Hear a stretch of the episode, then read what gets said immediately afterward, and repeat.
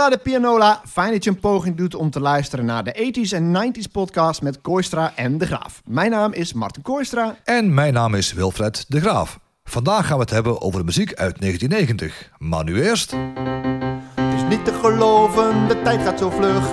Martin en Wilfred, die kijken terug. Bijzonder of boeiend, hilarisch of raar. Zomaar het nieuws, feitjes uit het jaar. Op 21 februari zendt MTV de eerste aflevering uit van MTV Unplugged. De optredende artiesten zijn Squeeze, Elliot Easton, de voormalige gitarist van The Cars, en Sid Straw. In de loop van het seizoen verschijnen onder andere Aerosmith, Elton John en Sinead O'Connor op het podium voor een akoestisch miniconcert. Op 11 februari wordt de Zuid-Afrikaanse anti-apartheidsactivist Nelson Mandela vrijgelaten... nadat hij 27 jaar vast heeft gezeten wegens sabotage... Vier jaar later wint hij de eerste Zuid-Afrikaanse presidentsverkiezingen... waarbij ook zwarte burgers mogen stemmen... en wordt hij de eerste zwarte president van Zuid-Afrika. De Grammy Awards vinden plaats op 21 februari... en er zijn een paar opvallende winnaars, waaronder Milli Vanilli. Milli Vanilli wint in de categorie Beste Nieuwe Artiest... ook al weten de meeste mensen dan al dat de twee zogenaamde zangers van Milli Vanilli... helemaal niet kunnen zingen. Overigens zal producer Frank Farion dat formeel pas in november bevestigen. Op 18 maart worden drie schilderijen met een totale waarde van ongeveer 100 miljoen dollar gestolen uit het Isabella Stewart Gardner Museum in Boston. Een van de schilderijen is Christus in de storm op het meer van Galilea van Rembrandt van Rijn. De twee daders zijn twee mensen die zich voordoen als politieagenten. De schilderijen zijn nooit teruggevonden en dit is nog altijd de grootste kunstroof in de Amerikaanse geschiedenis. Op 12 april geven hoogleraar organische chemie professor Buck en viroloog professor Goudsmit een persconferentie op de Technische Universiteit in Eindhoven. Hey. Zij claimen een methode te hebben ontwikkeld om het AIDS-virus te blokkeren. Tijdens een interview met NOS-journalist Oscar van der Kroon laat Buck zich verleiden om te beweren dat AIDS dankzij de door hem ontwikkelde stof spoedig de wereld uit zal zijn. Dit is niet waar en die uitspraak leidt tot de affaire Buck.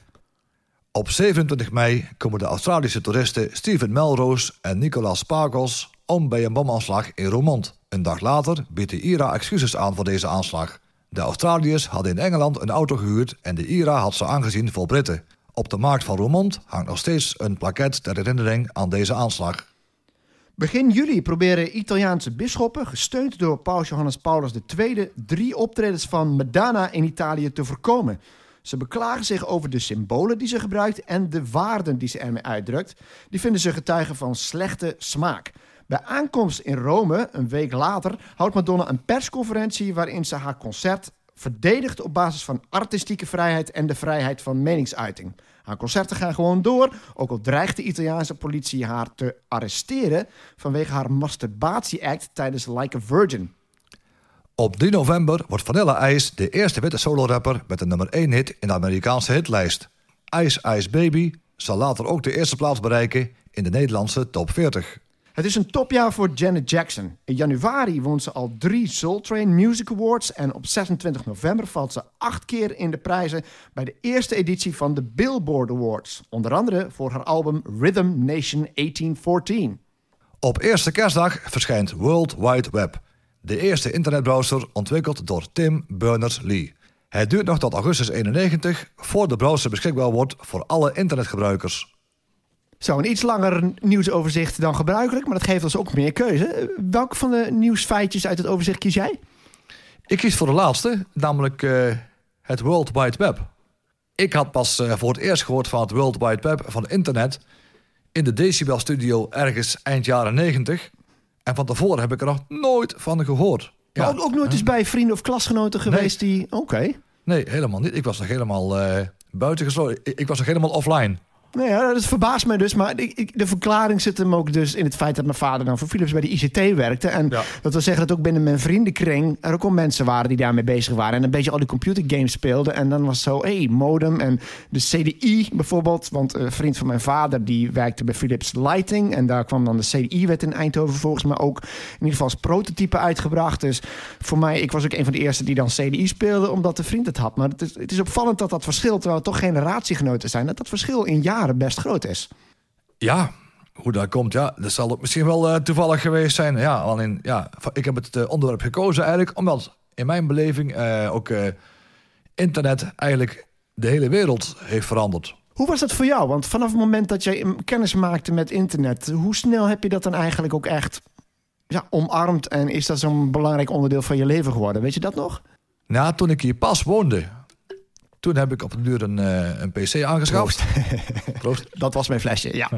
Toen ik hier pas woonde, heb ik hier eh, op een duur een, eh, een PC aangeschaft. En je ging een beetje kijken, oh, wat gebeurt er als je je eigen naam intypt? En dan kwam je uit bij een van de restaurant, Wilfred's.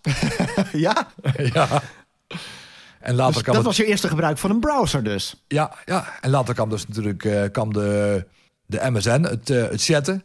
Want sommigen hebben natuurlijk nog als, als voorganger van de MSN nog ICQ. Die ken ik dan weer niet. Hive, de opvolger, ken ik dan weer wel, zo maar zeggen. Ja, maar de voorganger van Facebook. Ja, ja, maar puur voor het chat uh, was dat.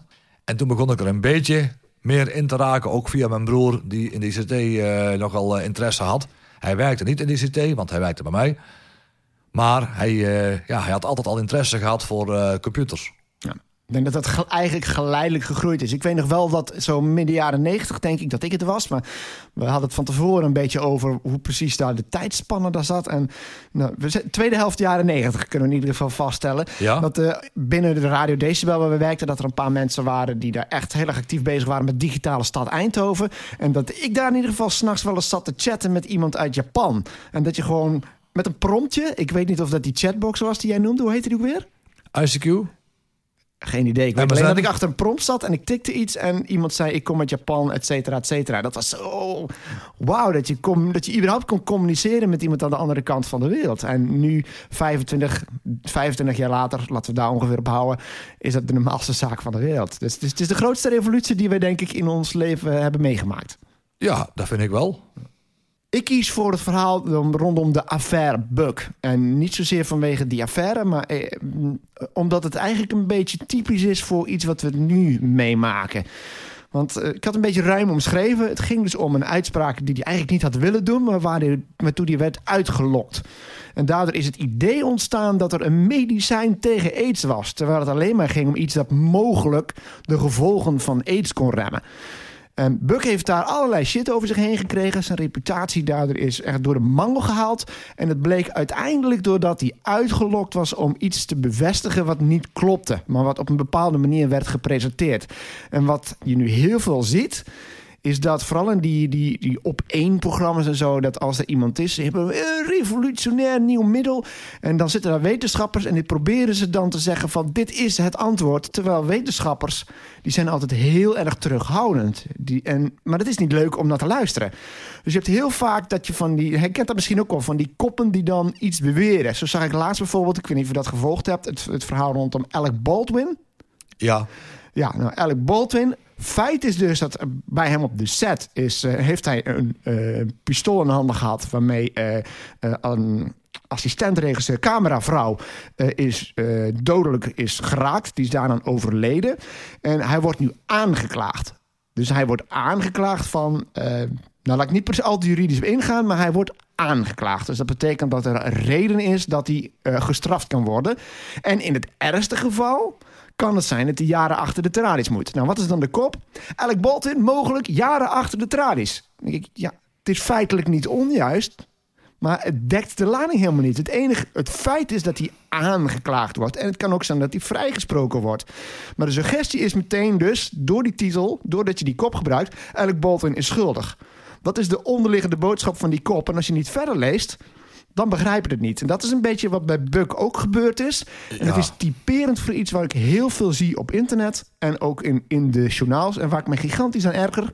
Van die sensatielustige ja, koppen, precies. Uh, waardoor hebben de ze, waarheid automatisch verdraaid wordt. Herken je dat ook? Ja, precies. Daar hebben ze nogal veel last van uh, bij... Uh, op Facebook bij dat nieuws en dergelijke. Dan komt er weer een uitspraak van dat Van Gerven weer heeft gezegd van vanaf nu af aan ga ik elke titel winnen. En dan ga je heel het verhaal lezen en dan staat erbij... als ik als ik in mijn juiste vorm ben en dan heel vooral erbij, dan ben ik in staat om de titels te gaan winnen. Maar dan wordt er uitgemeten. En het lijkt vaak wel of het tussen alle datters of het haat en nijd is. Maar dan zie ik van de week weer een filmpje waar ze met z'n allen gewoon aan het ingooien zijn. En het is gewoon lang leven lol en een beetje een pijltje gooien en bier drinken. Ja, het is, het is wat dan heet clickbait, hè? Je ziet een kopje en je denkt... eh, soms ook van die hele vage koppen. Ehm, voorbeeld Ben Kramer... Nou, Ben Kramer. André Hazes junior. Het, en dan staat er een quote... Het was verschrikkelijk. Dan denk je, wa, wat was verschrikkelijk? En de enige manier om daarachter te komen... is door erop te klikken. En op het moment dat je klikt... Zie je 500 reclames. Dat niet alleen, maar dan is er een klik dus op die site. En de site eh, advertentieinkomsten die komen van het aantal kliks. Dus het is om te bedoelen dat jij gaat klikken. En dan blijkt het dus helemaal nergens over te gaan. En dit was de affaire Buk, omdat AIDS natuurlijk eind jaren 80, jaren 90 echt op een piek zat met betrekking tot de epidemie. Was dat gigantisch nieuws en we hadden nog geen internet. Dus het was ook niet zo dat dat binnen een paar dagen weer vergeten werd. Nee. Dus het heeft een enorme impact gehad. Maar wel een van de eerste voorbeelden van iets waardoor de journalistiek eigenlijk uh, mede verantwoordelijk is voor dat een fout nieuwsfeit de wereld in wordt geslingerd. Dus als je het hebt over fake nieuws, dit was er eentje. En voor mij een van de vroegste voorbeelden daarvan. Dus vandaar. De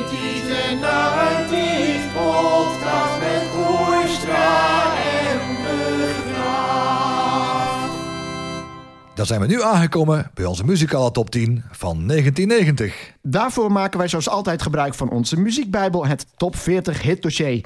Wilfred en ik hebben elk vijf liedjes gekozen uit de single top 100 van het jaar 1990. En daar hebben we een top 10 van gemaakt. En we beginnen onze top 10 dus met het liedje dat de minst grote hit was. Nummer 10.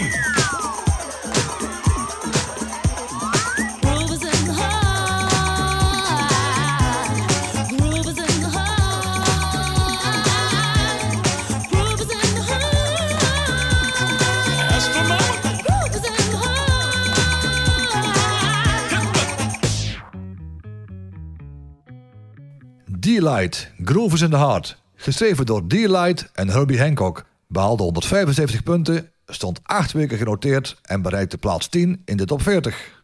D-Light heb ik gekozen omdat het een, eh, hele frisse danceplaat eh, is. En eigenlijk was eh, D-Light een ja, uit New York afkomstige housegroep. En een combineerde de stijl van de house met de funk. Ja, de blikvanger was, het, was de zangeres Lady Miss Kier. En die hulde zich in een strakke bodysuit met eh, van, die, van die hele opzichtige psycho, psychedelische motieven. En van die hele opvallende schoenen. Ja, ja, ja, ja, ja. het, was, het was geweldig. Eh, Ze gebruikte van die jaren 60 make-up. En werd vaak eh, vergeleken als de, de nieuwe Barbarella. Interessant, ja. Maar ook die twee DJ's natuurlijk. Het leuke daarvan was, was ook heel internationaal. Dat maakte ze heel apart. Want zij was een Amerikaanse. En dat je, maar ik moet even de namen erbij pakken hoor. Super DJ Dmitri. Die was, eh, woonde in Amerika, maar was geboren in Rusland. En je had nog de eh, Japanse jungle DJ Towa Towa. Met dat brilletje en zo. Dus het was Japans, Russisch, Amerikaans. En die kwamen allemaal bij elkaar. Zagen er allemaal ook eh, die zagen er ook allemaal heel apart uit. Blijkbaar een beetje eh, eh, door de, hoe noem je dat? De, de balls binnen de gay scene. De kleding die ze hadden, die was heel erg grotesk. En die was gebaseerd op wat ze zagen in de balls in de gay scene. Dus eh D-Light was ook een hele grote hit binnen de gay scene. En is het eigenlijk altijd gebleven volgens mij. Want dit is toch een echte 90s classic. Ik, kan, ik zou denken, Ja. die heb jij in jouw playlist. eh, Of heb jij standaard in je 90s list staan, of niet? Die heb ik inderdaad staan dat in mijn 90s eh, list. Want die plaat wekt gewoon zo'n gevoel van vrijheid, blijheid op. Het verveelt geen seconde. Het is echt eigenlijk een plaat die ook gewoon met allerlei puzzelstukjes aan elkaar is gezet. En elk stukje vind ik mooi. Ja, die breakbeat natuurlijk. Het zijn allemaal samples door elkaar. De basis is dus van Herbie Hancock. Origineel interessant om naar te luisteren trouwens. Doem, doem, doem, doem, doem, doem. Eh, dat wist ik eigenlijk niet eens. Nee. Alleen die breakbeat dacht ik, dit komt ergens anders uit. Maar het is wel typisch voor jaren, voor deze periode nog... dat je eigenlijk heel makkelijk wat dingetjes hier kon pakken... en wat dingetjes daar bij elkaar kon doen... en daar dan een hit van kon maken. Dat was in deze periode, eh, was het nog niet zo streng gereguleerd.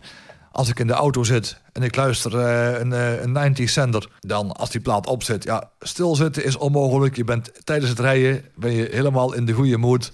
Lekker met je handjes meetikken op het stuur. Ik, ver- ik verwacht hem ook op een 90s feest. Een beetje categorie Cindy Lauper op een 80s feest.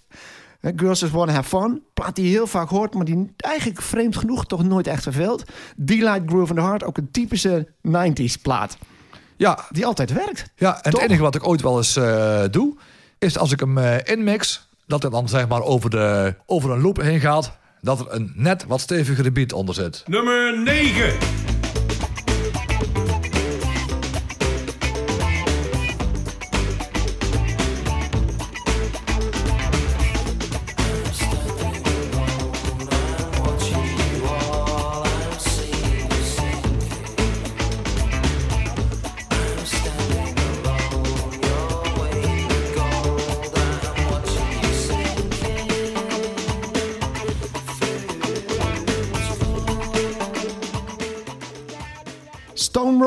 Fool's Gold. Geschreven door John Squire en Ian Brown. Behaalde 194 punten, stond acht weken genoteerd... en bereikte plaats 8 in de top 40.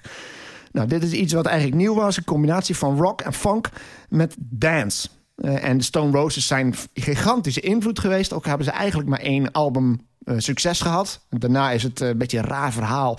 Ze hebben wat ge- ge- ze hebben wat ruzie gehad met een platenlabel, Silvertone. Ze wilden daar weg, maar ze hadden er eigenlijk nog een contract. Zijn ze naar de rechter gegaan. Dat is een slepende rechtszaak geweest. Ondertussen waren allerlei andere eh, labels bezig om ze te contracteren. Dus hebben ze uiteindelijk een miljoenencontract getekend bij Geffen. Alleen die tussenliggende periode hebben ze geen zak gedaan. En na verluid zaten ze vooral voetbal te kijken. Dus ze zijn pas vijf jaar later met een album gekomen. En dat was een teleurstelling. Dus Stone Roses heel snel gekomen, heel snel weer gegaan. Maar van enorme invloed op die hele... eh, nou, wat een beetje heet de indie scene die in de ja, begin jaren negentig opkwam. En met name Oasis, die zijn direct daaruit voortgekomen. Die zijn naar een gigantisch concert van Stone Roses geweest. En ze zagen dat en ze, zagen, ze dachten bij zichzelf, dat willen we ook doen. En Fool's Gold, ja, het lijkt net of het een drumloopje is. Met en dat lijkt het wel, maar het is toch echt live gespeeld. Als, Ja. je, als je de live hoort, is het hetzelfde. Maar het klinkt, en die drummer is ook gewoon is zo strak gedrumd, maar het lijkt gewoon als er een computerloop in zit en dat ze daar een soort funk rock-achtige plaat hebben gemaakt met een Ja, soort precies. psychedelische, hele relaxte sfeer. Ja, precies. Een, eh, een echte funky track. Met een, een hele fijne groove wat, er, eh, wat erin zit. En ja, de muziek van eh, Stone Roses is ook veelvuldig gesampled. Want het leent zich er ook voor. Maar ik vind vooral die, die, het is dus die combinatie van een soort breakbeat die er dan in zit met die met zo'n wow wow effect. En het is een plaat die, ik zeg al, Ian Brown die heeft een hele, die, het is haast alsof hij het fluistert. Het is geen feestlied, maar het is wel zo'n liedje waarvan je denkt op een rave. als je een beetje in die tijd natuurlijk raves ook veel drugs en ecstasy en dergelijke. Als je daar hoort dan dat je dan wel een hogere sfeer komt. Ik vind ook dat hij de tand destijds goed heeft doorstaan. Als jij hem nu hoort, deel je dat dan? Denk je van het is een plaat die gisteren gemaakt had kunnen zijn, bij wijze van spreken? Jawel. Maar het is er niet eentje, denk ik, die, eh, die je nog überhaupt hoort op de radio. Jij hebt al vaker gezegd, ik luister weinig radio. Misschien Ik een beetje op de indruk- ja, misschien een beetje op, oh, op de klassieke zenders. Alleen de zogenaamde hippe zenders voor de jeugd en zo. Zullen geen Stone Roses eh, draaien, maar bijvoorbeeld een, eh, een Radio 10, een Radio Veronica en dergelijke. Die wel. Dat is een band die vooral eigenlijk in Engeland eh, hoge ogen heeft gescoord. En het is ook een sound die eh, nooit echt in Europa is doorgebroken. Dus het verbaasde me eigenlijk wel dat dit liedje toch... Ik wist dat het een, een hit was geweest in Nederland. Maar ik zeg hit, dan bedoel ik eigenlijk hitje. Van het heeft de top 40 gehaald. Maar dat hij toch in de, de single top 100 van 1990 stond... vind ik wel opmerkelijk. Want dit is niet een type muziek... Ik denk niet dat je zo een liedje kunt noemen dat hierop lijkt uit die periode. Dus eh, ik vind het een geweldige plaat. En dat Ja, is dus- eigenlijk ja. de belangrijkste aanleiding. Ja, dus daarom misschien ook wel een plaat die dan ook, ook gekocht wordt door de fans. Ja, en misschien was het stiekem toch ook wel een clubhit. Misschien niet in de grote clubs, maar in de underground clubs. Omdat het zo'n dans, omdat het die combinatie heeft van rock, kun je hem heel goed draaien in een, in een café waar ze van rock houden. Maar in een club kun je hem misschien ook op een dansvloer wel draaien. Nou ja, als bijvoorbeeld eh, meneer eh, JXL eh, eraan gaat werken. Wacht, JXL, dat, dat moet een producer zijn. Junkie XL. Oh, Joe, ja, oké. Die, die ken ik natuurlijk wel. Ja, als die ermee aan de gang zou gaan, dan denk ik wel dat je dan eh, toch wel een, eh, een vette clubtrack eh, krijgt. Dan had hij zo dus eh, tien jaar later misschien een aardige update kunnen maken. En er zijn er al wat liedjes uit de Ja. periode die later opnieuw zijn uitgebracht. Hè? Ja. Komen denk ik zo ook nog wel op terug. Nummer 8. Unity, love, and. Let's groove on, cause it's time to move on. Hear the drummer get wicked. Peace, unity, love, and having fun. Let's groove on, cause it's time to move on. Hear the drummer get wicked.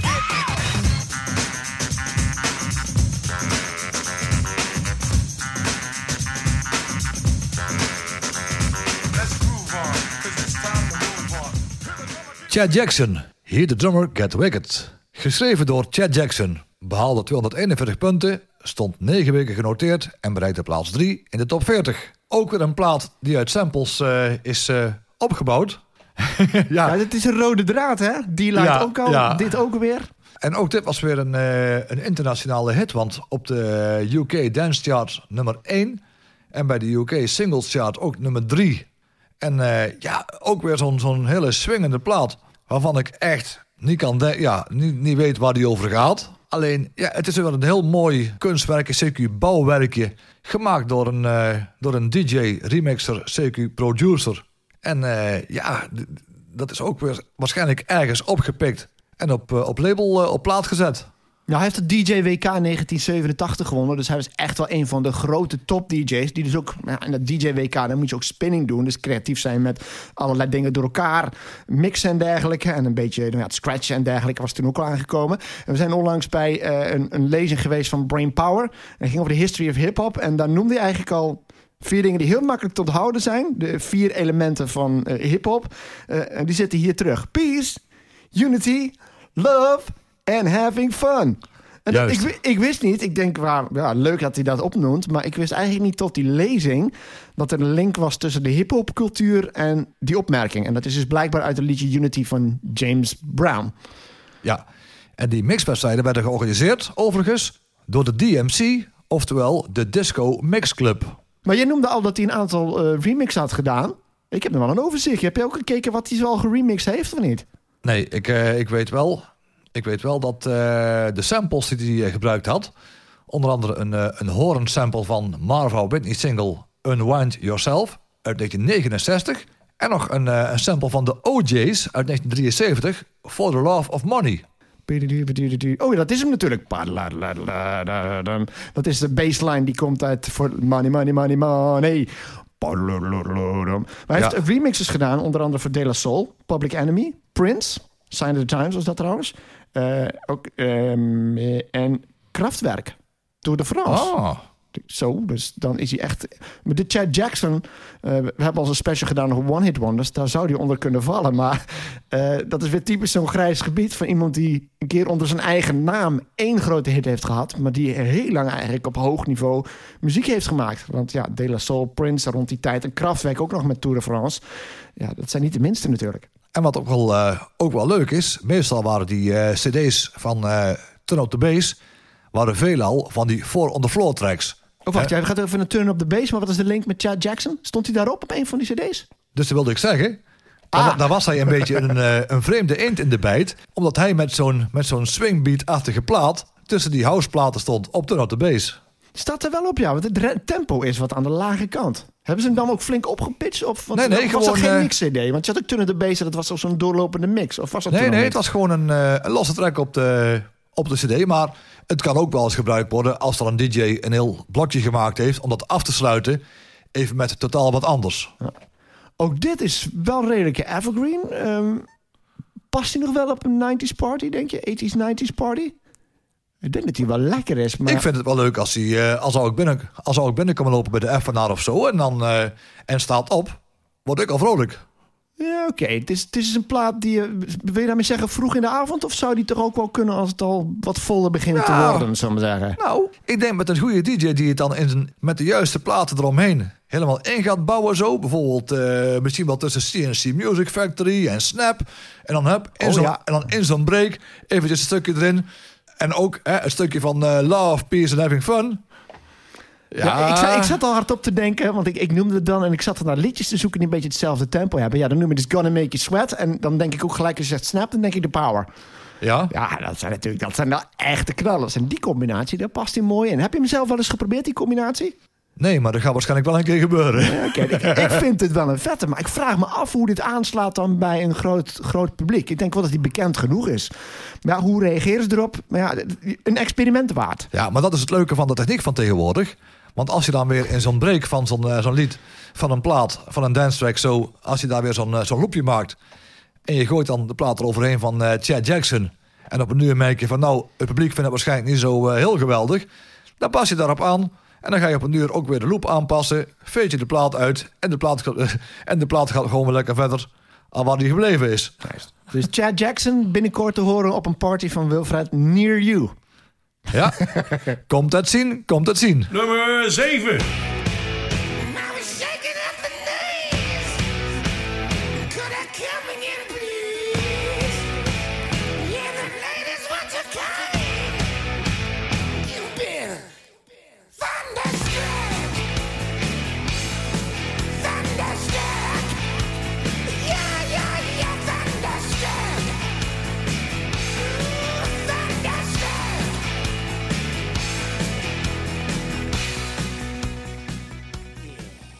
Ja, ACDC, Thunderstruck, geschreven door Malcolm en Angus Young. Behaalde 261 punten, stond 10 weken genoteerd en bereikte plaats 6 in de top 40. Een top 10 hit voor ACDC. Nou, dat is wel een unicum. En eigenlijk op het punt dat ACDC een beetje in de vergetelheid leek te zijn geraakt. Want hun bekendste hit, die stond toen ook al geruime tijd in de top 100 alle tijden. Dat was Hola de Rosie. Eh, en dan heb je daarnaast nog een paar klassiekers... die voornamelijk nog komen uit de tijd dat Bon Scott zanger was. En die was in 1981, eh, sinds 19, 1981 al niet meer bij de band. Overleden officieel trouwens door dat hij zichzelf... dat stond in het verslag, hij dronk zichzelf dood. heeft zichzelf doodgedronken. En vervangen door Brian Johnson. en toen hebben ze een aantal jaren geworsteld. Of geworsteld. Het heeft een aantal jaren geduurd voordat ze eh, weer een hit hadden. Dan heb je wel You Shook Me All Night Long. Die is vrij bekend. En... You- Oh, dat is You Shook Me All Night Long. Hoe heet die andere ook alweer? Highway to Hell. Highway to Hell.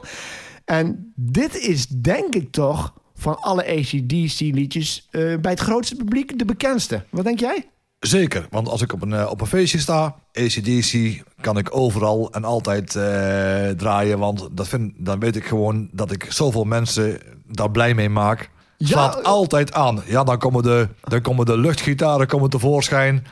Ja, dat is altijd eh, sfeer en beleving. Ik vind het toch wel opvallend, want als je dat vergelijkt met Highway to Hell of, of You Shook Me All Night Long, is er niet zo heel veel verschil. Ik bedoel, ACDC is grotendeels toch hetzelfde als Four to the Floor. Pum, pim, pum, pum. Angus Young en dan een hele strakke gitaarriff van Angus Young die er overheen gaat.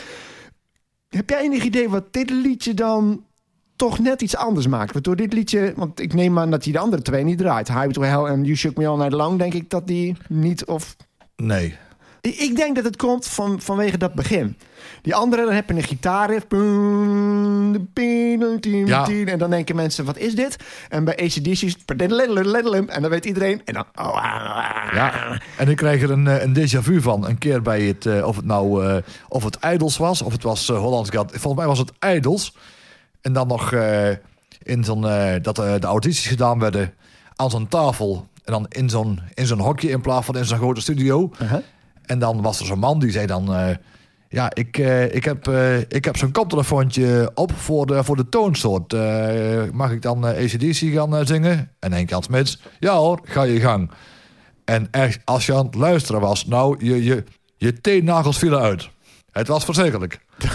Hij was dan aan het meezingen, hij was dan aan het meezingen met zijn oortje voor de toonvastheid, maar het, het leek helemaal nergens op. Dat was ook Thunderstruck? Dat was Thunderstruck. Ja, oké. Dus ook als je auditie gaat doen bij Idols of iets dergelijks, ik weet niet welke programma's er nog zijn, en je wilt iets doen van ACDC, beter Thunderstruck. Maar ik denk dat dat, dat wah, wah, en dat thunder, dat mooi meezingen, ja, dat, dat, dat luchtgitaar natuurlijk, Angus Young na Ja. doen, dat vindt iedereen toch Ja, leuk. en als, ik het op, en als ik het opzet en op een duur, oh, ja, dan zet je ook tegelijkertijd met de intro, dan gaat de rookmachine, dan gaat de rookmachine aan en dan gaat er een subtiel lichtje gaat erop, zo, en dan creëer je sfeer. Dit is eigenlijk, want laten we het toch metal noemen. Het zit een beetje tussen metal en rock in. Maar als je binnen dat genre van gitaar-rock zit... is dit denk ik de ultieme floorfiller, toch? Dit is een floorfiller. Ja, dit is absoluut de floorfiller. Is er nog een soort gelijk liedje in, zeg maar, in- binnen dat rock-genre... dat ook dat effect heeft? Of staat dit echt voor jou wel bovenaan? Ja, het staat op zich wel eh, redelijk bovenaan. Maar ik denk ook wel dat ik eh, wel een eindje kom met eh, Sweet Child of Mine van Guns N' Roses. Ja, toch wel. Oké. Maar op zich, ja, ACDC Thunderstruck is is gewoon een geweldig, eh, een geweldig lied voor, eh, voor, voor een feestje. Altijd raak. Dat verrast me wel. Ik vind het een gaaf liedje gewoon. En het is wel ook de eerste keer, want ja, hier was ik ook zo 15, 16. Dan ga je toch die muziek ook een beetje ontdekken. En dan zie je die videoclip met Angus Young, die al zijn signature dingetjes doet. En dan denk je, ja, dit is vet. En die gasten die dan allemaal zo voor het podium met die vuisten staan en zo. En ook die stem van Brian Johnson met zijn petje op en zo. Die zingt, ah, fantastisch. Geweldige plaat. Leuk dat we gewoon ACDC eventjes kunnen aanhalen. Hebben kunnen aanhalen, want we gaan door. Nummer 6.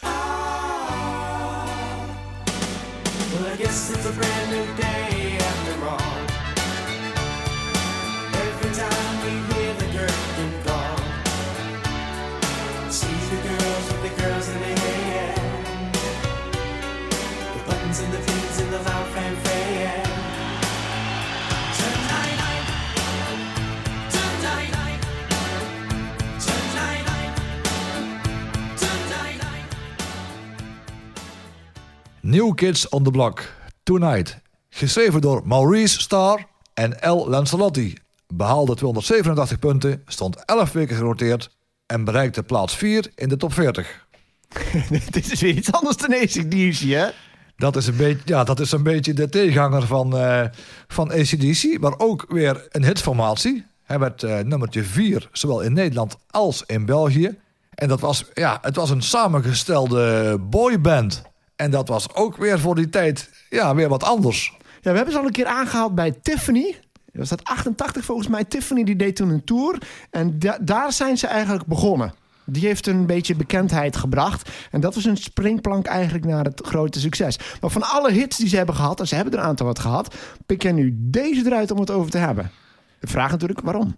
Omdat ik deze plaat echt ook een hele mooie, een hele mooie opbouw eh, vind, eh, vind hebben. Gewoon alle elementjes zitten erin.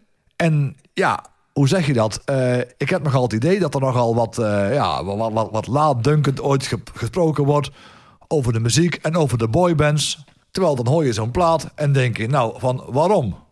Ik vind het nog steeds wel. Ik, ik hoor daar dingetjes in. Ik, ik moet zeggen, dit liedje heb ik lange tijd genegeerd. Want die stond dan op zo'n album. Het heette Love Album trouwens, overigens. Eh, het was een dubbel cd. Ik denk New Kids on the Block. Maar ja, toen ben ik een keer al mijn cd's gaan rippen. En dan stond hij dus op mijn harde schijf. En dan komt hij een keer voorbij en dan begint hij zo... Tien, tien, tien. En dat is een heel klef. En dan ineens komt de... dum- But I guess it's a brand Ja. new day after all. Dan denk ik, oh, dat is leuk. Maar dan hoor je die blaasjes. En dan hoort het getrainde oor meteen... eh, dit is keyboardgeluidje, dit zijn geen echte blazers. En natuurlijk ook die lage stem. Ik geloof dat Joey die hoge stem deed, of was het Jordan of zo. Dus ook... Hij heeft wel iets, maar voor mij is het meer camp. Ik vind het moeilijk om het serieus te nemen. Maar jij vindt het toch wel goede muziek ook? Jawel, het feit dat, er al, eh, ja, dat het een, eh, een hoge plaats heeft gehaald in de, ook in de top 40. Ja, wil toch ook wel wat zeggen. Dat de jeugd waarschijnlijk niet veel kon schelen. Dat het geen echte, geen echte blazer was, maar een blazer uit een, eh, uit een keyboardje. Ja, ik ga eens even kijken wat ze, wat ze eigenlijk in Nederland gedaan hebben. Voor mijn gevoel hadden ze wel wat hits, maar geen hele grote. Eens kijken of dat klopt trouwens. Of heb jij dat toevallig zelf al nagezocht? Nou, ze stonden met, met drie nummer 1 hits in de Amerikaanse Billboard. Het was I'll Be Loving You Forever in 1989. Hanging Tough ook in 1989. En Step by Step in 1990. Ja, en ik zie hier dat zij twee top 10 hits hebben gehad. Nou, de ene was Tonight en de andere is If You Go Away. En dat was in 1992. Die liedjes die je net noemde, die hebben wel de top 40 gehad, gehaald. Voor mij is The Right Stuff de bekendste. Samen met Step by Step. Oh, oh, oh. Oh, oh, oh. Oh, oh, oh. The Right Stuff. Maar dan zie ik hier... En dat heeft misschien wel te maken met, met MTV of zo. Dat ik hem daar heel vaak gezien heb. Maar hier is hij niet verder gekomen dan plaats 28. Ja. En de andere is Step by Step. Oeh, baby. Gonna get to you, girl. Die vind ik wel leuk. Maar die Ja. heeft ook de top 10 niet gehaald. Wel een redelijke grote hit. Heeft plaats 12 gehaald. En wat ik ook een, eh, ja, wat ik ook een leuke plaat vond van eh New Kids on the Block. Dat was eh, Call It What You Want. Ja, die staat hier ook in. Maar die... Want er was die, Die zegt eh, mij niks. Want er was die man met die, eh, met die lage stem. Die was dan aan het rappen in het intro. Maar ja, wereldwijd hebben de New Kids on the Block... die hebben wereldwijd meer dan 70 miljoen albums verkocht. Ja, ja, ik zeg al toch, in Nederland klopt mijn instinct wel. Ze hebben wel hits gehad, maar maar twee top 10 hits. Maar ja, ze, waren, ze vonden eigenlijk de blauwdruk voor wat er daarna zou komen. En ja, Ja, dan zie je de ook Backstreet album Boys, kopen. En ja. als die albums er Ja. eenmaal zijn, dan verkopen die singles Ja, helemaal en, minder. ja, en ze hebben op een duur ook de inspiratie gegeven voor, eh, voor bands als, eh, als Backstreet Boys en eh NSYNC. Ja, we kunnen ze allemaal wel opnoemen, ja. Dit is waar het, dit is waar het allemaal that. begon. En er zitten wel een paar tussen die ik leuker vind dan New Kids on the Block. Want dit is wel de eerste stap.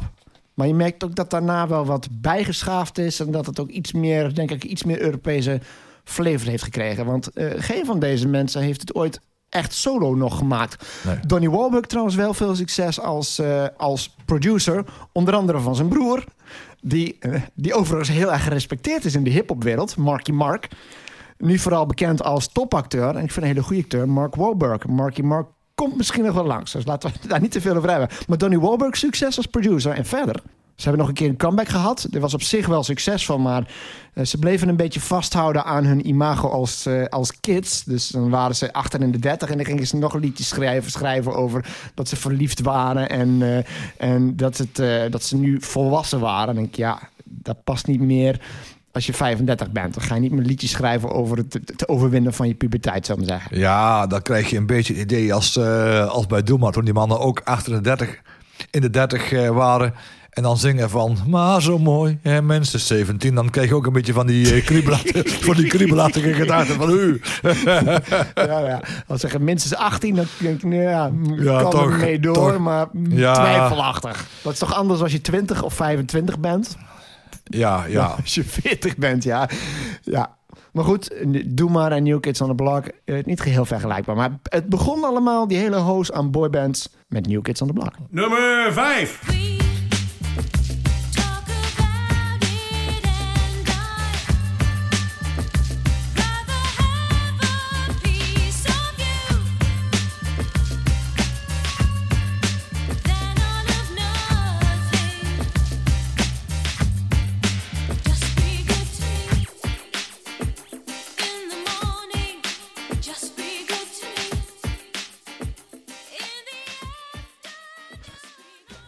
International featuring Lindy Layton met Dub Be Good To Me. Geschreven door Norman Cook, Terry Lewis en James Harris III. Behaalde 341 punten, stond 12 weken genoteerd... en bereikte plaats 2 in de top 40. Eh, Norman Cook trouwens, voorheen House Martins. Veelvuldig ook remixes gedaan, later bekend geworden als Fatboy Slim. En ook nog, dat wist ik trouwens niet tot voor kort... maar hij was ook betrokken bij Freak Power... Turn on, tun- tun- tun- tune in, tun- die- doen, cop out. Maar Beats International, dit is natuurlijk ook weer een combinatie van twee liedjes. En nogal opmerkelijk, want ik denk dat iedereen die een beetje bekend is met de jaren 80, 80 die hoort dat dit Just Be Good To Me is van de SOS-band. Ja. Wat, eh, wat minder bekend is, is waar die baslijn vandaan komt. Je denkt, oh, hey, die heeft een vette baslijn. Hij was een bassist. Dus ik heb heel lang gedacht, Norman Cook, oh, die heeft daar een vette baslijn onder gezet. Maar nee hoor, die eh, baslijn die is ook gewoon eh, gesampled. Namelijk van The Clash. En The Clash is een punkrockband. Onder andere, met name bekend van Should I Stay or Should I Go. Maar een van de populairste punkbands. Maar er is niks veranderd in die baslijn hoor. Die is ook... En dat liedje heet The Guns of Brixton. En dit is misschien wel de eerste echte mashup hit, denk ik dan. Want hier heb je echt twee elementen die niet door elkaar zitten, maar die zijn samengevoegd. En dan krijg je een fantastische plaat met zo'n heerlijke, relaxed groove eronder. Mooie zang erover. En je hebt gewoon een fantastische update van een hele goede disco classic van SOS Band.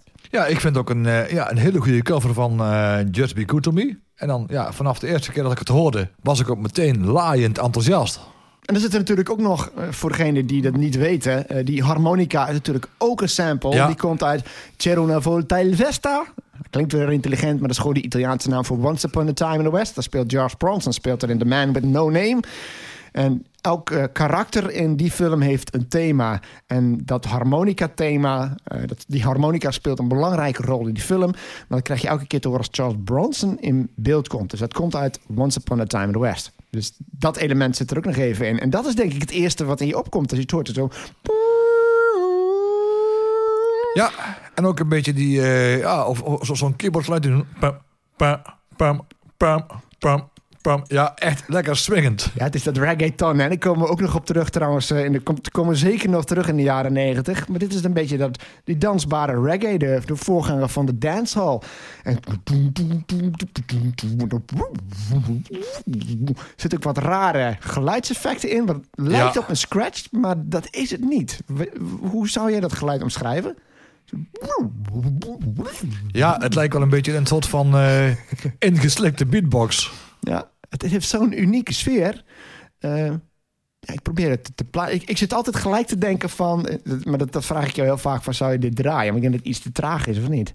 Maar wel een hele goede radioplaat. Een fantastische Hele goede radio. Ja, een hele goede radioplaat inderdaad. En om te gaan draaien, het hangt misschien af van het publiek. Want eigenlijk is hij wat langzaam. Ook als ik hem wat op zou pitsen. De freaks, die zou het zeker waarderen. Eh, Misschien vroeg op de avond. En eh, ook weer zo'n barbecue plaat.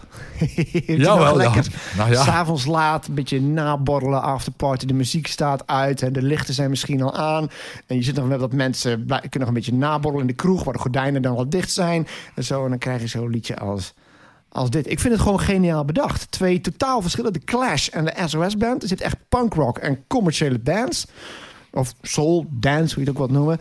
En dat bij elkaar. En dan voeg je ook nog een keer Ja. Ennio Morricone eraan toe. Ja. En, eh, en het, het wordt opeens een heel ander soort liedje. Ja, en ik heb het misschien vaker aangehaald, maar als je dan een plaat hebt met, eh, met samples, dat ik mij dan afvraag van ja, toen de tijd, toen was er ook geen internet of, of geen Spotify of helemaal niks. Hoe komen ze dan toch helemaal bij om dan in een totaal ander genre te gaan spitten in de platen? En die horen een plaat van The Clash. Eh, Je hebt die, eh, die baslijn. Dat is dus het interessante van Norman Cook. Die komt uit de House Martins. Nou, de House Martins die hebben een paar hitjes gehad. De grootste hit was Caravan of Love. Nou, dat is meer een, dat is een gospelliedje eigenlijk. Eh, maar ze hebben vooral een beetje studentenrock gemaakt. Rock and roll-achtig. Eh, ik weet niet of je Happy Hour kent. Happy Hour again. Don't believe it. Eh, Oké. Maar dat is echt gewoon lekker uptempo. Hele vrolijke, beetje vrolijke, melige, studentenachtige rock. Dus hij is een echte rockbassist. En ik denk dan, toen ik ontdekte dat Norman Cook Fatboy Slim was, dacht ik, hè? Is die gast van Praise You? Dat is denk ik zijn bekendste liedje. En Funk Soul Brother, eh, dat is hij ook, hè? Volgens mij wel, ja. Check je daar nou? Ja, eh, zo niet, dan knippen we dit eruit. Zowel, dan laat het mooi staan. Eh, maar het is gewoon interessant dat Norman Cook van de House Martins... die dus een echte rock'n'roll achtergrond lijkt te hebben... dat hij zich ook bezighoudt met disco-muziek. Dus ik vind het feit dat hij de Clash aanhaalt... verbaasde me niet zo. Want dat sluit eigenlijk wel aan bij de muziek die hij deed. Maar dat hij dan ook echt een house-pionier is geworden... Ja. en een van de grootste namen, van de belangrijkste namen... in de 90s op dat gebied. Ja. Dat vind ik zo opvallend. Dus in dat opzicht is die combinatie Ja. weer niet zo vreemd. En ik vind het wel mooi dat zo'n zo'n basdeun op een, eh, op een mooie manier is, eh, is gerecycled. Ja, fantastisch liedje. En Want- een van de, Ja, want weet je overigens eh, wat de plaat van The Clash... of die enige cijfers van betekenis eh, heeft gedaan qua verkoop of iets? nou ja, welke liedjes ken je van The Clash? Should I Stay or Should I Go? Ja, Rock the Cashba? Ja. Sorry, don't like it. Another stop. Another stop. Get your car out of that gear. Ja, en ik ken, ja, ja, ik ken ook... Wacht, ik moet hem de- even opzoeken hoor. en Ik, zing hem nou. Ik ken van The Clash ken ik ook The Magnificent Seven. Dat, dat was het. Dat is- het. En dan heb ik de neiging om dat hele liedje door te gaan. Ik Magnificent Seven. En ik pakte mijn hitdossier en jij noemt hem. Ja, Dat zijn de drie liedjes die je kent. En dat is veel voor een punkband. Drie bekende liedjes. Ja, maar als je zo'n beetje gaat... eh, als ik een beetje van mijn, eh, ja, voor de geest probeer te halen... heb ik wel het idee dat al die platen van The Clash... allemaal wel sterke baslijntjes hebben. En daar volgt de basgitaar gitaar eigenlijk de, of de bas volgt eigenlijk de gitaar. Ja, en ook eh, van de Magnificent... ja. Bum, Magnificent Seven steken. Eh, Sherry. Ja, ik ben een bassist. Dus eh, ja, Magnificent Seven eh, en eh, Sherry, Rock the Cash. Ja, klopt. Zeker. Dan is eh, Should I Stay or Should I Go is misschien een uitzondering. Maar dat is ook meer nog de oude punk. Hè? Should I Stay or Should I Go, dan hoor je ook echt dat is punk. Magnificent Seven en Rock the Cash Bar. Als je dat hoort, dan denk je al van... Nou, dit is, meer, dit is al weer meer poprock. En Oh, dan ja. krijg je wel hele vette baslijnen. Klopt, ja. Dus Ja. in dat opzicht eh, heeft Norman Cook er als bassist misschien ook wel inspiratie uit gehaald. Nummer 4.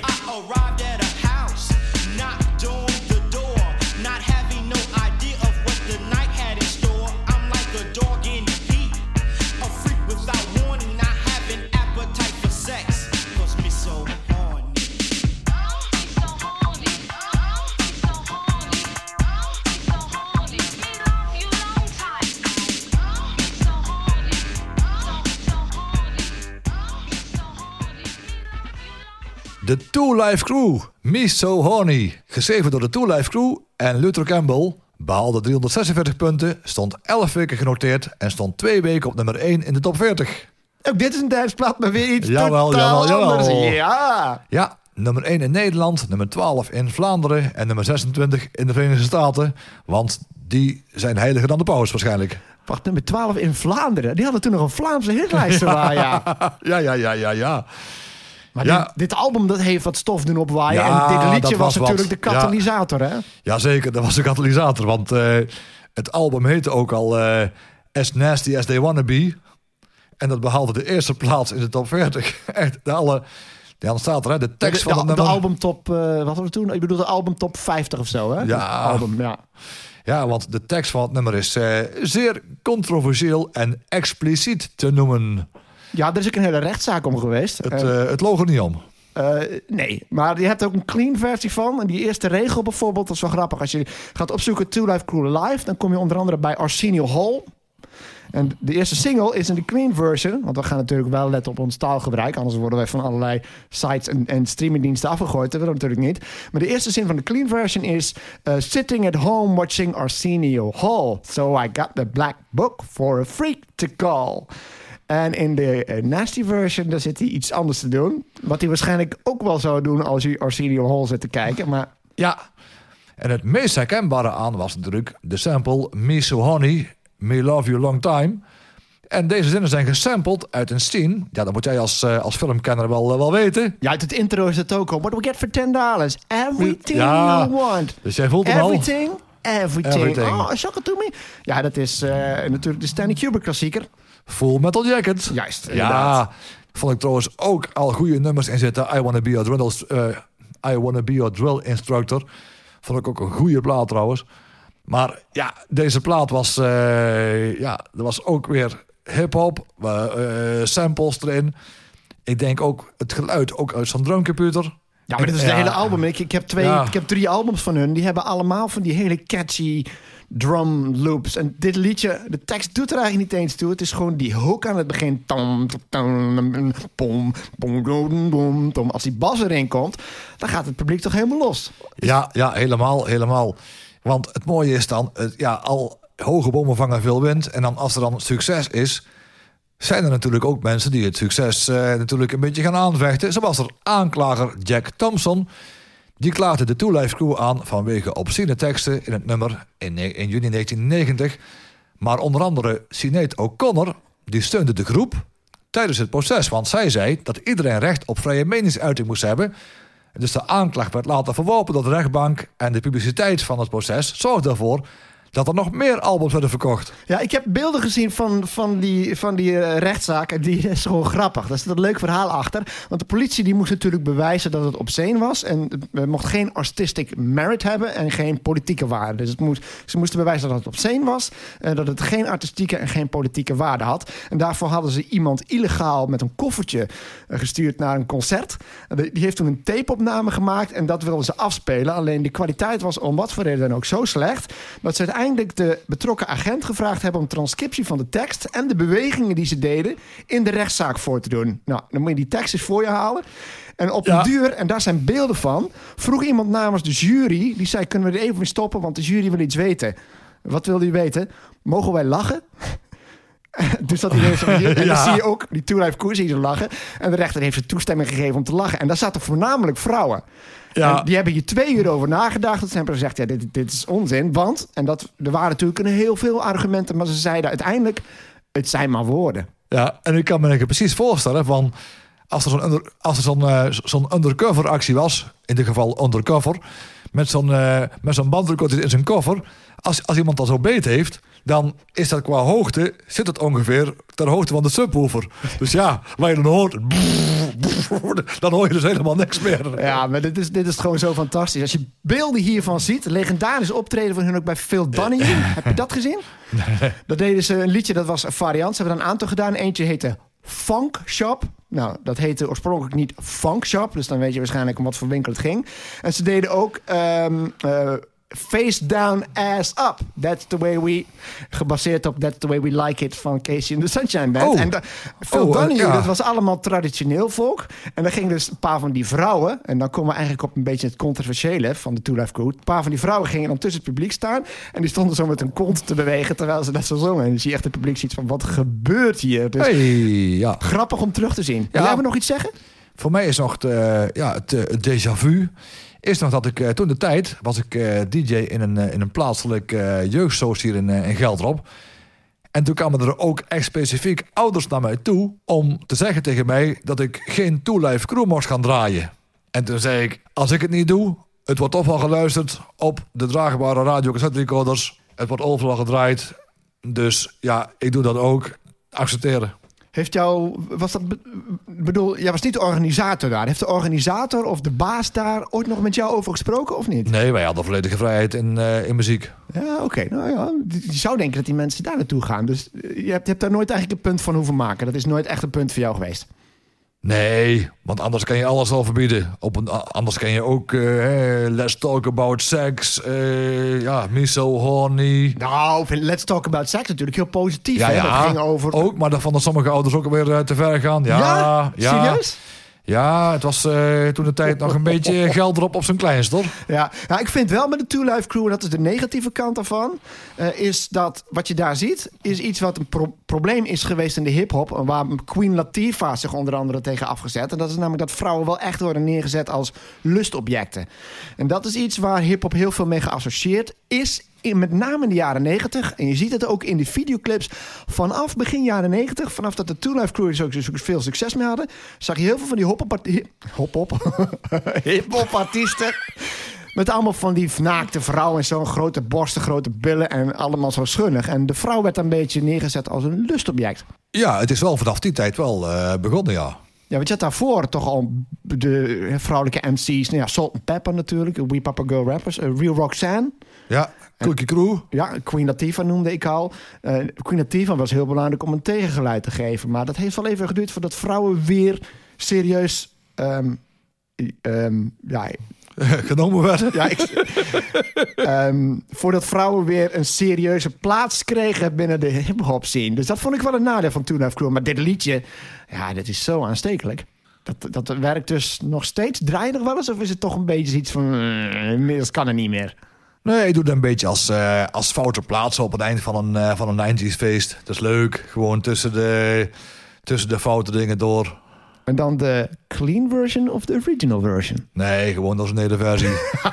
ja, dat- dat dan toch weer wel. ja, want eigenlijk waren de Two Life Crew een beetje de, de Oud Brothers van eh, begin jaren 90. Ja, de, de Outer Brothers gingen nog een stukje. Die gingen nog een stukje verder. Ja, die heb ik ook live gezien. Ja, een klein stukje verder, hè? want het is niet zo heel ver van. eh nou goed, laten we daar maar niet in gaan. Want als je daar lyrics van aan gaat halen, daar, daar is geen clean version van. Dat is het verschil wellicht. Nummer 3. You've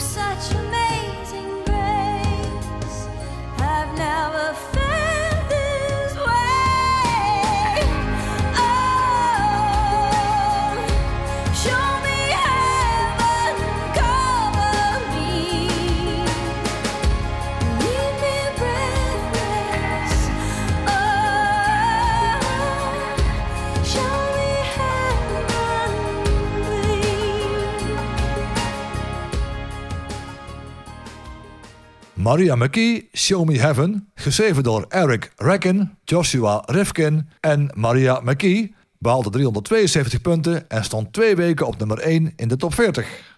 Kijken we naar het internationale gebeuren, dan komen we uit bij een, eh, ja, als nummer, nummer 1 hit, zowel in, eh, ja, in Nederland, op de Vlaamse Radio 2, eh, top 30, en, en, ook in, eh, in Noorwegen en het eh, Verenigd Koninkrijk. Wacht, we hadden het net over de Vlaamse hitlijst. En hebben we dus de Vlaamse. Wat was het? Top 2, top 30? Radio De 2, top Vlaamse 30. Radio 2 top 30. Jawel. Oké. jawel. Ja, en we hadden plaats, eh, plaats 2 in, eh, in Ierland en Zweden. Nummertje 3 in Australië. Nummertje 4 in Zwitserland. En dan ietsjes lager. Nummertje 12 in Nieuw-Zeeland. En ook nummertje 15 in Oostenrijk. Ja, ook een... Ja, ik noem het een echte, een echte power ballad. Ja, die had, als we nou de lijst doorkijken, dit is de enige ballad eigenlijk die erin staat. Power ballads, die had je dan toch blijkbaar... Of hebben we die gewoon over het hoofd gezien verder?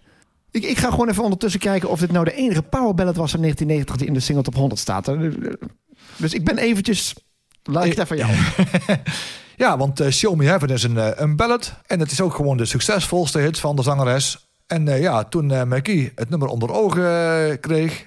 toen weigerde ze te zingen... behalve als ze zelf de tekst mocht veranderen. En dat deed ze.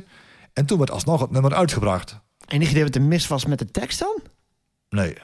Goed altijd als je kritisch bent en dat je kritisch kunt zijn. Zegt ik vind deze tekst, dat kan ik beter. En eh, ik kan niet zeggen, ik neem aan dat het een verbetering is geweest. Ja, Kan, want, kan toch niet veel beter, zou je zeggen. ja, want zoiets hebben we ook nog eens gehad in de Pierre Kaatner special. Dat was dat... eh, Corrie Konings. ja, had het nummer eh, op een duur ook zelf aangepast... omdat het verhaal misschien te emotioneel was. Ja, wel interessant. Ja, want eh, andere artiesten hebben ook het nummer opgenomen. Onder andere Robin Zender, Tina Arena en Jessica Andrews en Laura Branigan. Tina Arena, waar ken ik die van? Die naam zegt me iets. Ik ga het weer opzoeken. Ja. Ik ben allemaal aan het zoeken hier. Maar het was dus ja, haar, enige, haar enige nummer 1 net als zangeres. Maar wat ik ook eh, op een duur ergens eh, vond... dat er een nummer was wat wij allebei kennen... wat ook daar geschreven was, namelijk A Good Heart van Fergal. Ja. Oh, oké. Ja. Is, is, is, heeft directe link met Fergal Sharkey dan? En die hebben die... Nee? Dat weet ik niet, maar... Maar dat is alweer, eh, nou ja, lang geleden. Dat was vijf jaar eerder. Dat valt mij 1985.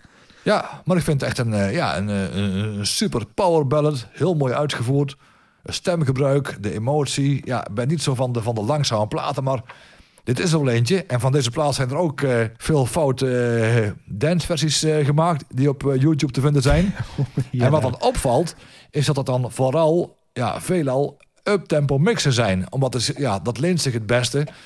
Ja, ik denk dat het liedje Qua- zo tussen qua- de qua 60... tempo. Ik denk dat het liedje zo net boven de 60 bpm zit. Dus, doen- en als je dat dus double twee keer zo snel doet... althans, je doet dan dubbele beat onder... dan zit je dus zo rond de 104, 125. De versies die ik ken zijn wel boven de 140. Oh, oké. dan is het dus ook... eh, dan, Bam, bam, eh, bam, bam, bam. Show me heaven. Als je het over foute versies, dan vermoed ik ook dat, ze, dat daar een zangeres het opnieuw heeft ingezongen.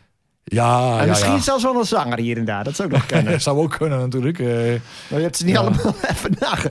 Heb je ook niet eentje op een, een van die jouw obscure dance remix CD staan? Want je hebt al eens eh, wat, wat, wat vage dance covers op CD her en der liggen, weet ik. Nee, die heb ik niet. Want ik heb wel inderdaad heel, een, hele, eh, een hele verzameling van die, van die Spaanse dance eh cd'tjes uit de jaren negentig. Ja, dat- dat past deze wel tussen, zou je zeggen. Alleen hij zou er wel tussen passen. Ja, want als er een versie zou zijn die misschien, eh, ja, misschien toch wel aan zou spreken... dan kom ik uit Nova Space destijds. En dat was al wel begin zero's.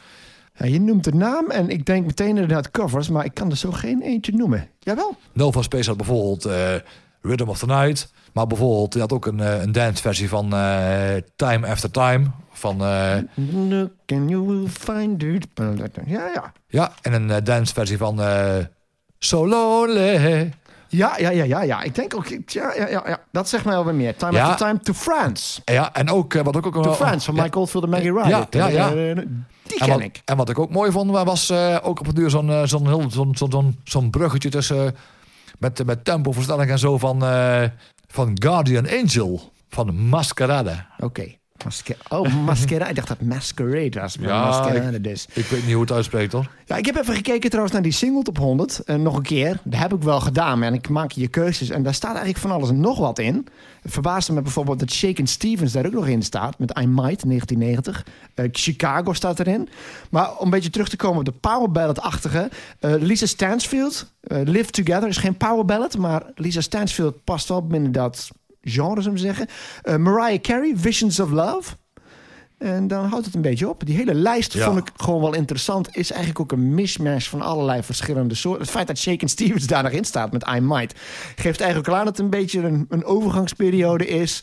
ehm, waarin heel veel verschillende stijlen door elkaar komen. Dat vind ik eigenlijk het hele leuke aan dit jaar. Nummer 2.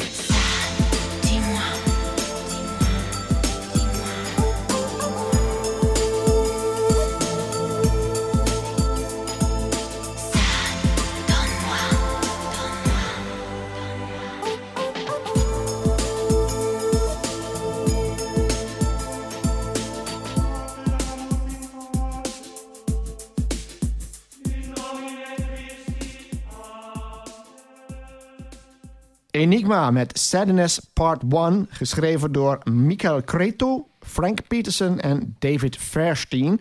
Maar haalde 385 punten, stond 13 weken genoteerd en stond 1 week op nummer 1 in de top 40. Eh, ja, hier horen wij een stem die voor sommigen die de jaren, tweede helft van de jaren 80 hebben meegemaakt nog wel bekend is. Want de vrouwelijke stem is die van Sandra. En die had natuurlijk een groot hit met Maria Magdalena. eh, en Everlasting Love. Die schreef zij samen met Michael Cretu. Daar hebben ze samen aan gewerkt. Dat was overigens weer een cover.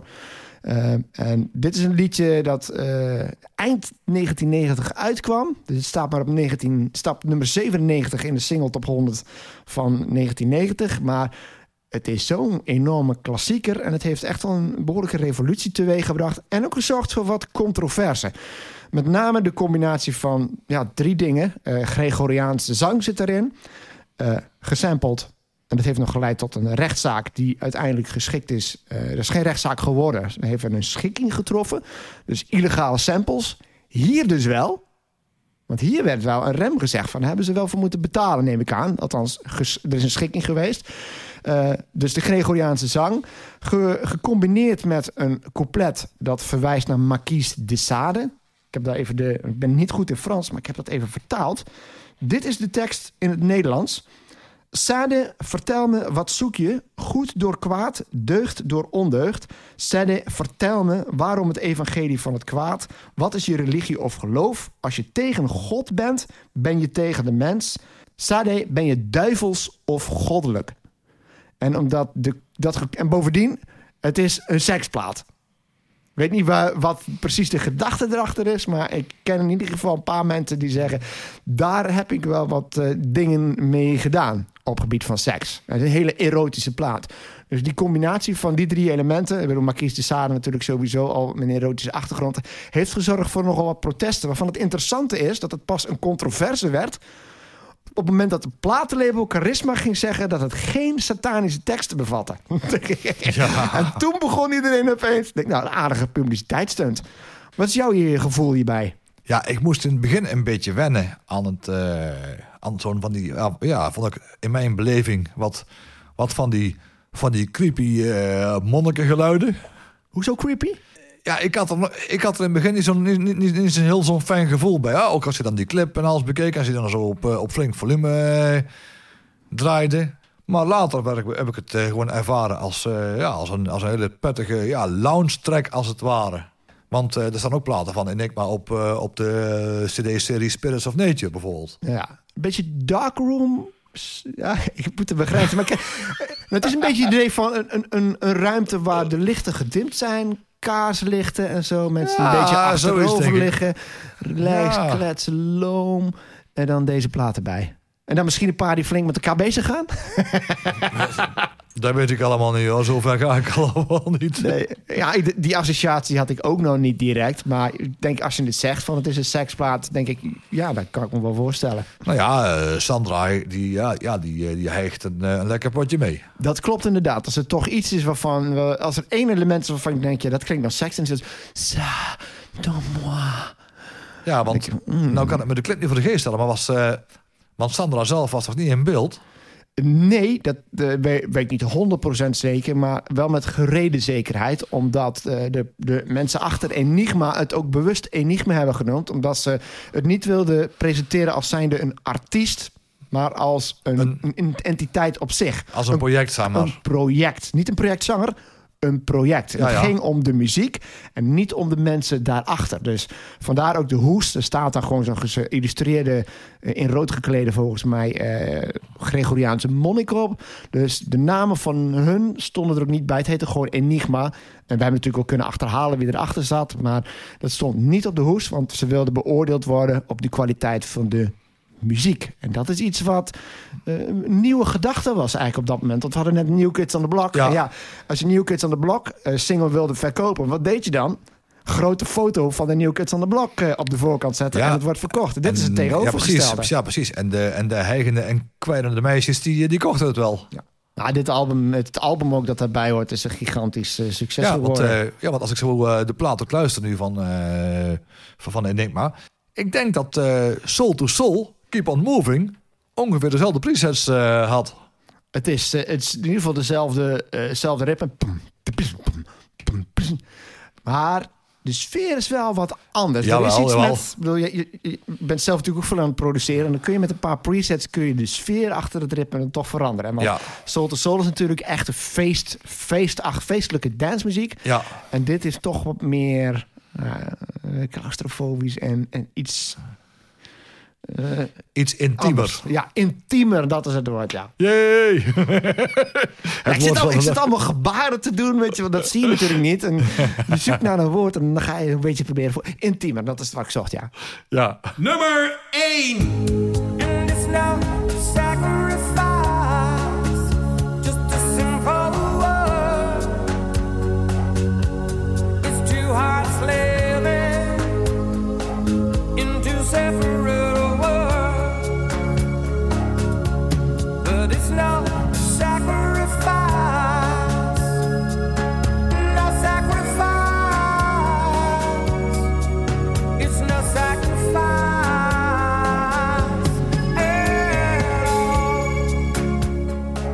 Elton John en Sacrifice, geschreven door Elton John en Bernie Taupin, behaalde 403 punten, stond 14 weken genoteerd en behaalde plaats 3 in de top 40.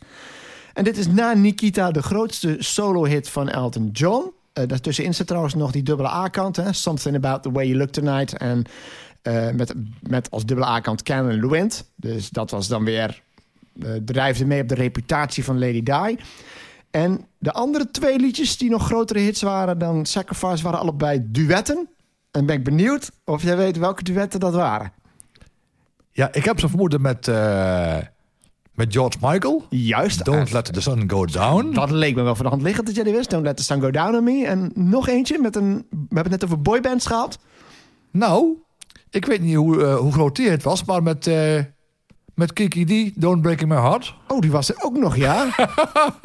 Dat is geen boyband, hè, Kiki D. Maar Nou, dat maar. Blue. Oh ja, Blue. Sorry seems to be the hardest word. Maar het grappige is, het eerste wat ik dacht is van, oh, die eh, Elton John heeft meegesurfd op, eh, op, de, op het succes van Blue. Want Blue was toen internationaal heel veel succesvol. Eh, was toen internationaal heel succesvol. Maar hoeveel hits denk je dat Blue verder in, eh, dat Blue verder in Nederland heeft gehad? Nul. Nul. Dus die hebben gewoon meegesurfd op het succes van eh, Elton John. Maar Sacrifice dus, eh, toch een van de grootste hits van Elton John. En voor mijn gevoel een beetje vergeten. Terwijl ik een heerlijke plaat vind. Heel simpel Ja. in opbouw. En bij mij, ik ben heel erg van de teksten. Ik vind de tekst hiervan ook. Dat, dat is een van de liedjes van Elton John waar je echt luistert naar de tekst. En hij zingt het fantastisch. Ik vind die beat die eronder zo. Beetje Papa Chico-achtig. Beetje die richting qua sfeer, maar dan nog iets relaxter. Een heel mooie opbouw naar het refrein. Een mooie tekst die denk ik iedereen die ooit in een, in een langdurige relatie heeft gezeten... die die kan herkennen. En het verraste me eigenlijk niet dat dit zo'n gigantische hit was... maar ik heb wel het idee dat het een beetje, een beetje vergeten is. Wat is jouw indruk? En ik, zoek ondertussen nu even naar Kiki D. Misschien was hij een tijd lang vergeten, maar hij is weer een beetje opgerakeld het laatste jaar. Omdat eh, ook een stuk, eh, een stuk tekst gebruikt werd in een nummer van Elton John samen met niemand minder dan Dua Lipa. En dan als een hele smooth dance track. En die heet dan Cold Heart. Ja, dan zeg ik dus dat het vergeten is... en dan blijkt het dus eh, een, toch nog een, een behoorlijke hit te hebben te zijn geweest. Was dat een hit? Ja, het was een gigantische hit. Oh, oké, ja. En dan zingt Elton John zingt dan teksten uit, uit Sacrifice. En dan zingt Dua Lipa teksten uit Rocketman. I think it's gonna be a long, long time. Daar heeft Kate Bush trouwens ook nog een hit, eh, hit mee gehad, klein hitje. Ondertussen Kiki D. Eh, grote hit inderdaad. Die staat wel in de buurt, maar daar ben ik alweer kwijt. Elton John, Kiki D, licht. Nummer 2 hit was dat in 1976. 279 punten. En 10 weken genoteerd. Dus dat is een hele grote hit geweest, maar Sacrifice is meer dan 400 punten. Ja, dat Dus scheelt wel wel. baas boven baas, maar kun je nagaan dus. Dit Don't Go Break In My Heart, ook een liedje dat iedereen kent. Ja. Denk ik, weet iedereen. Don't Go Break In My Heart. En Sacrifice, als je, al noem je de titel... weet ik zeker dat mensen nog denken van... Nee, kan ik me niet voor de geest halen. En zelfs niet als je het intro laat horen. Maar wel als het refrein komt. Ja, dan And wel. it's no... En dan denk je, oh, dat is hem. Ja, want ik heb ook wel het, eh, het vermoeden eigenlijk van als Elton John iets, eh, iets nieuws bedenkt, dat hij ook misschien wel zelf gaat kijken van, hey, zou ik die artiest eens gaan benaderen? Hij heeft natuurlijk jarenlang dus met Bernie Taupin samengewerkt. En waarvoor hij de teksten schreef aan Bernie Taupin. Nee, andersom. Bernie Taupin de teksten en hij de muziek. Dus als je een goede tekstschrijver tegenkomt... waarvan die denkt, daar kan ik daar wat mee... Ja, La- laat het Elton John op muziek zetten. En de kans is best groot nog steeds dat je een hit hebt. En het is toch ook fantastisch als je die partnerschappen aandurft te gaan. Aan de andere kant denk ik, als je zo lang met zoveel succes met één persoon hebt gewerkt, met wie je zo'n zo'n automatische klik hebt, dan is het ook wel weer ja, riskant. Maar ja, hij is natuurlijk op een, op een Ja. leeftijd en ook gewoon een financiële positie. Dat alles in zijn hoofd zit van, weet je wat, boeien, ik ga het gewoon proberen. precies. Hij, heeft niks te verliezen. Precies, hij surft op zijn eigen succes. En mocht er nog een project komen wat helemaal compleet flopt... want voor hetzelfde geld had misschien wel het, duet met uh, Lipa... had misschien wel geflopt. En dan stonden ook, hè, zoals wij in het begin eh, noemden... had er misschien in de media wel allerlei koppen gestaan... van over Elton John met... dat hij is teruggevallen in de muziek en dergelijke. En Elton John zal denken... Nou, mooi, Ja, weet je wat? Zet Sacrifice toch maar een keer op. Of ook een van mijn favorieten trouwens. Song for Guy vind ik fantastisch. Ja. En eh, ook een hele mooie eh, Yellow Brick Road. Hij heeft zoveel goede muziek gemaakt. eh, dan mag je ook eens een keer een, een missetje hebben. Maar ik ga hem zeker luisteren. Die, dat liedje met Dua Lipa. Eh, het, eh, Ik ben benieuwd wat dat het is. En leuk dat het gewoon zo'n grote hit is geworden. Dus. Maar Elton John die kan gewoon niks meer verkeerd doen. En zo zijn we toch weer met een soort power ballad geëindigd. Hè? Dus Maria McKee was niet de enige.